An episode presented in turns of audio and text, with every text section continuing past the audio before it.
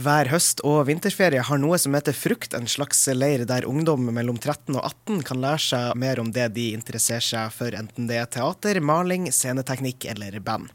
Det er jo vinterferie nå, og Fruktuka den er fullt i gang. De starta uka på lørdag, og jeg har med meg han Joakim Nordvik fra Fruktteamet. Og Joakim, kan ikke du si litt mer om hvem du er, og litt mer om hva og hvem Frukt er? Det kan jeg. Jeg heter Joakim Nordvik, og jeg går siste året på musikklinja.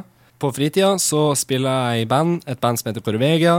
Og så jobber jeg frilans med sceneteknikk, sceneproduksjon, eller eh, som musiker rundt omkring. Og så er jeg med i Fruktteamet, da. Og Frukt det er et møtested der kulturinteresserte ungdom kan møtes, inspireres av hverandre og lære nye ting innenfor f.eks.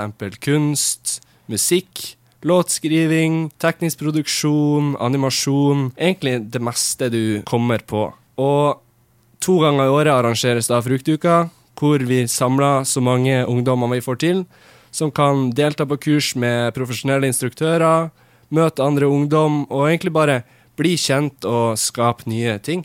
Nå er jo Fruktuka i gang, og eh, på onsdag så skjer det noe veldig kult på svømmehallen. Hva er det som skjer der, eh, Joakim? Jo, på onsdag så har Frukt eh, sitt 30. gangs jubileum. Og da skal vi ha en jubileumsforestilling, og det blir den første ungdomsproduksjonen i Svømmeren scene som er laga av ungdom, for ungdom og med ungdom. Og alt som skjer bak scenen, foran scenen og før forestillinga, er det kun ungdom som jobber med. Hva som skal fremføres på forestillinga? Der blir det både teater, det blir animasjonsfilmer og videoer. Det blir sang, det blir musikk.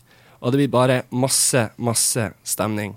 Når tid er denne forestillinga? Den er onsdag 2. mars. Dørene åpner klokka seks. Showstart klokka halv sju i Svømmeren scene. Da sier vi tusen takk til deg, og så håper vi at det kommer mange tilskuere på forestillinga.